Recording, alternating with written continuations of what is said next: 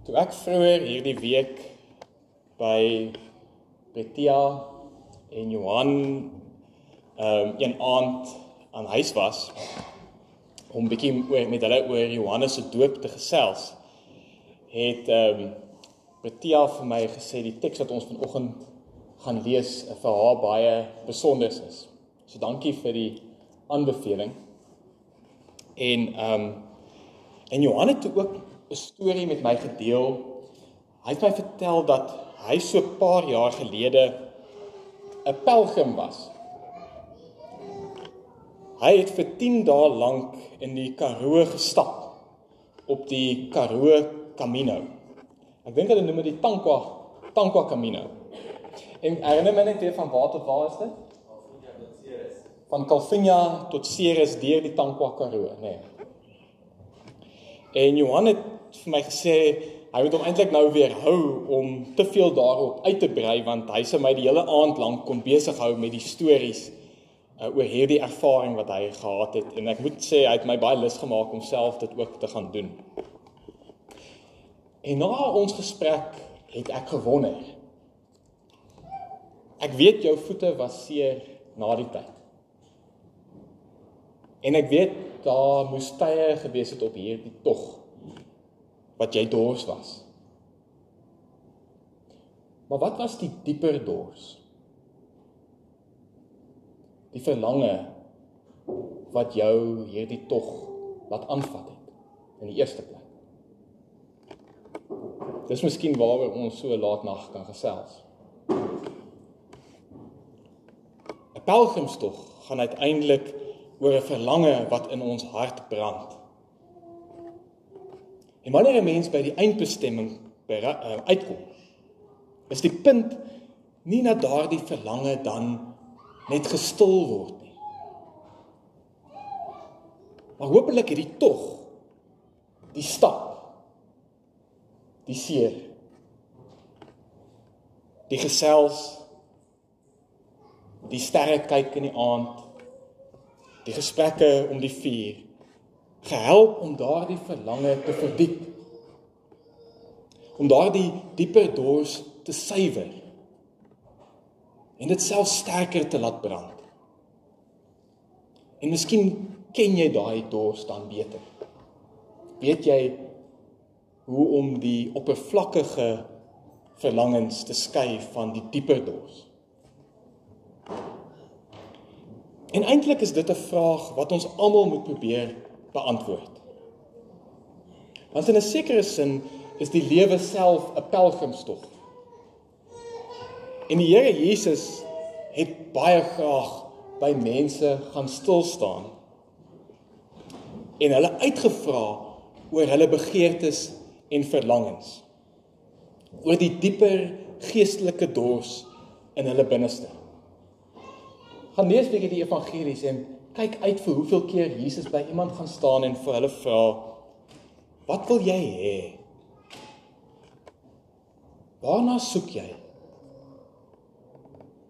Wat wil jy hê moet ek vir jou doen? En dit is waaraan ek gedink het toe ek hierdie week stil geraak het met vanoggend se teksgedeelte. Want dit speel af in Jerusalem en soos ons weet, was en is die tempel in Jerusalem ook die eindbestemming van so baie pelgrimstogte. Die tempel was gesien as 'n ontmoetingsplek tussen God en mens en daarom het soveel mense daarheen gestroom. En in vandag se teksgedeelte lees ons hoe Jesus self as 'n pelgrim in Jerusalem aangekom het. Saam met duisende ander pelgrims. En uh, dit was in die tyd van die hittefees.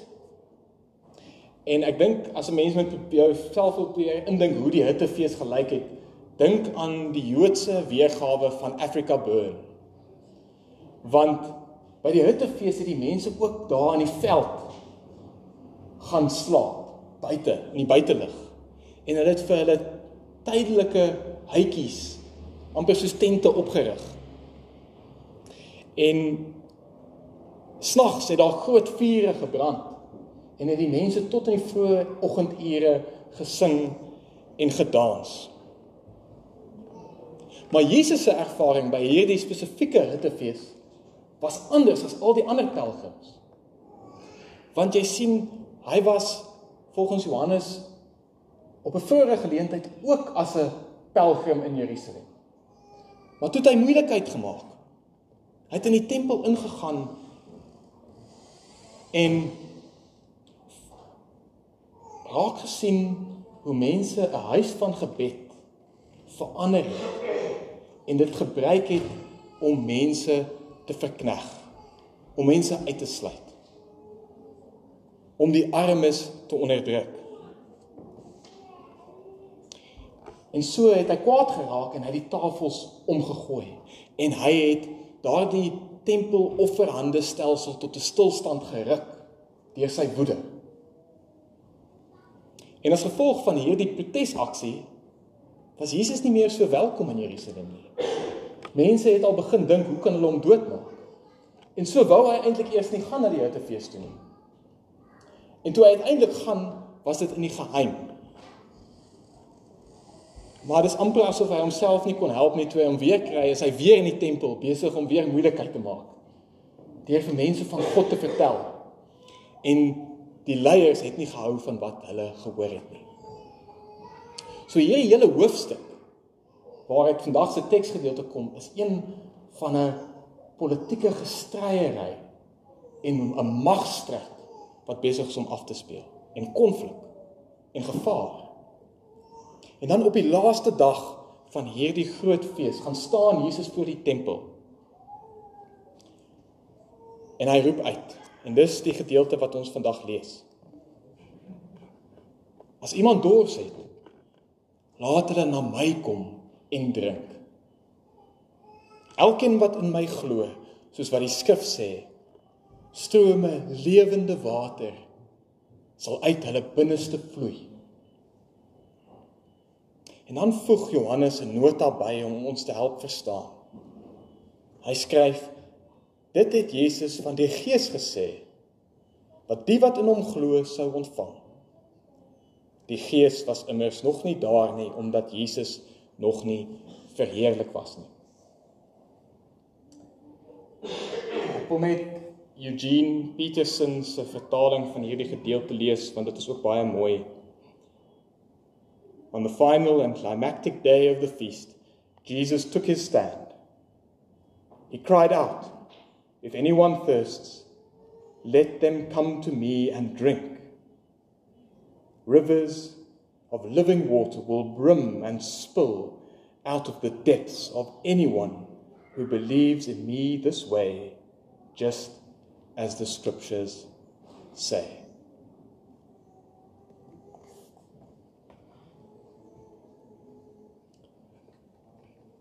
So vir daardie versameling pelgrims wat dae en selfs weke lank met hulle offers na Jerusalem toe geloop het, sê Jesus, kom na my toe.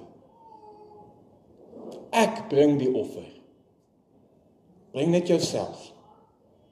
Bring net jou dors. En Jesus se woorde herinner 'n mens eintlik aan 'n visioen wat die profeet Esegiel een keer gesien het van hoe dit sou wees as God die dag in Jerusalem sou tuiskom in die tempel.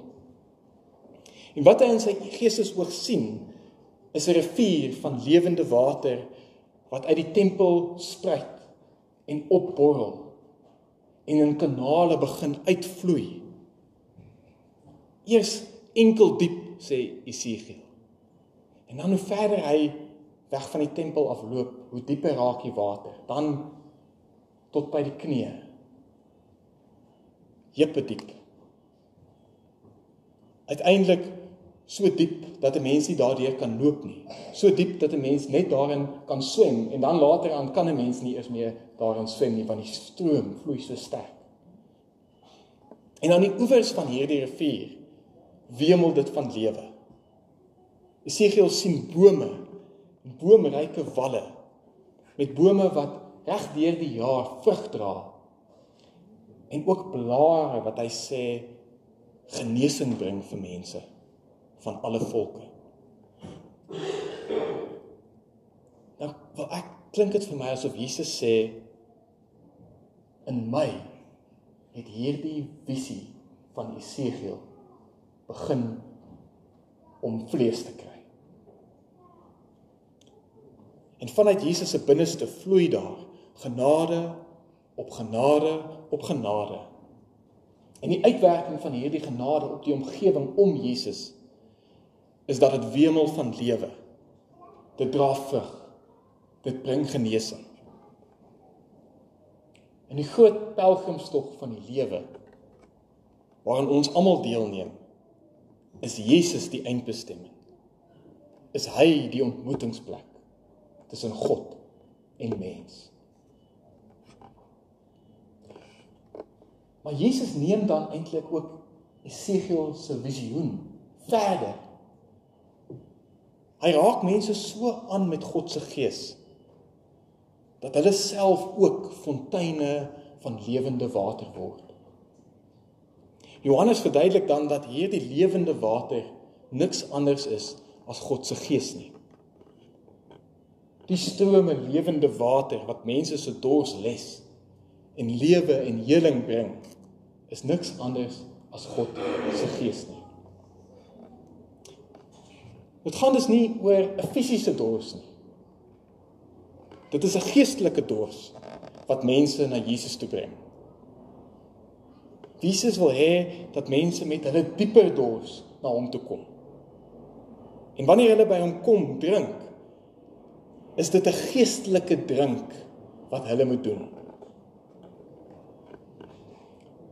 En 'n mens kan goed verstaan hoekom Jesus water as 'n beeld gebruik om te praat van God se gees.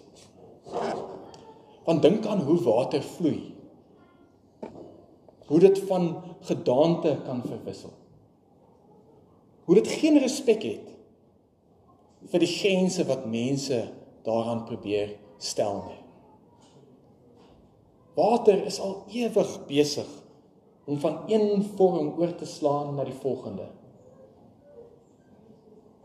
Van vloeistof na gas na kristal van rivier na donderwolk na sneeuvlokkies. En ek dink ons almal het ook ervarings van water. Positiewe herinneringe. Van my beste herinneringe het altyd te doen met water. Ek dink aan hoe ons uh, rugby gespeel het en dan uh die uh uh boorgat se kraan oopgedraai het en dan vloei daai koel cool ondergrondse water uit en hoe dit 'n mens se dors les. Ek dink aan hoe ek met 'n seer lyf in 'n warm bad insink en net voel hoe dit begin om my te genees.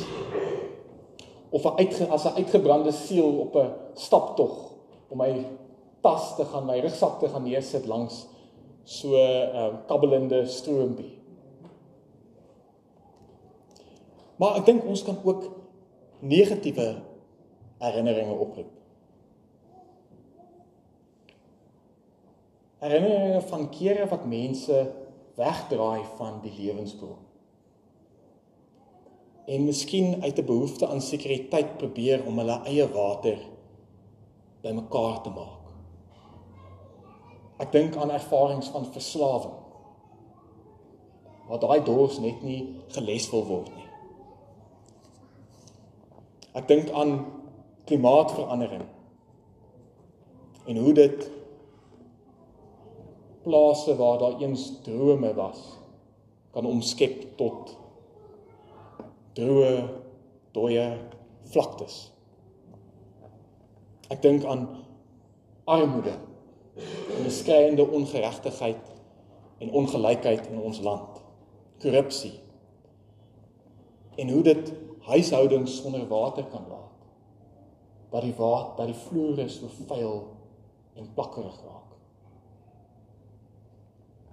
Ek dink aan hoe ons met die omgewing om ons omgaan en die besoedeling en wat dit aan water kan doen. So is water eintlik meer as 'n metafoor Water en lewe is sinoniem met mekaar. En so is God se gees ook sinoniem met die lewende God. Die lewensbron, die bron van alle lewe. Kom en drink van my, sê Jesus vir ons. Om by my te kom drink is om by die bron self te kom drink. Die lewe wat ek bied is suiwer en skoon. Bring jou diepste dors en leer van my. Leer ken my. Val in by my. Loop saam met my. Dis die geestelike drink wat ons moet doen. Om by hom te leer vertrou, om hom te leer vertrou. Dit is wat daai geestelike dors les. En soos ons vroeër gesê het van pelgrimstogte, wanneer jy op hierdie pad met die Here begin, weet jy waarskynlik aan die begin nie altyd wat dit is wat jou dring. Wat dit is waarna jy verlang nie. Maar soos jy stap en in hierdie geval soos jy saam met Jesus stap, word jou dors gesuiwer. Leer ken jy daai dieper dors leer en leer jy hoe om dit te onderskei van daai meer oppervlakkige verlangens en begeertes. En dit bring my by die belangrikste deel. En dit is nie ons dors nie, maar God se dors. Daar is twee kere in Johannes se evangelie wat Jesus self sê dat hy dors is. Die eerste is in hoofstuk 4 wanneer hy 'n Samaritaanse vrou by 'n put kry en met haar begin gesels. En dan loop weer eens twee vlakke van gesprek op dieselfde pad. Op die oppervlak 'n letterlike gesprek. Maar in die diepte is ook 'n figuurlike gesprek. En wat 'n mens uiteindelik agterkom is dat wanneer Jesus vir haar sê ek is dors, hy eintlik vir haar sê ek is dors vir jou. En ek is dors vir die Samaritaanse mense. En wanneer Jesus vir haar vertel van die lewende water wat hy vir haar wil aanbied. Wat in haar 'n fontein van lewende water gaan word wat opborrel tot ewige lewe. Dan antwoord sy met haar dieper dors. En sy sê vir hom: "Meneer, gee vir my van daardie water." Met ander woorde, God sê vir haar: "Ek is dors vir jou." En sy antwoord in haar eenvoud: Amen God. Ek is dors vir jou.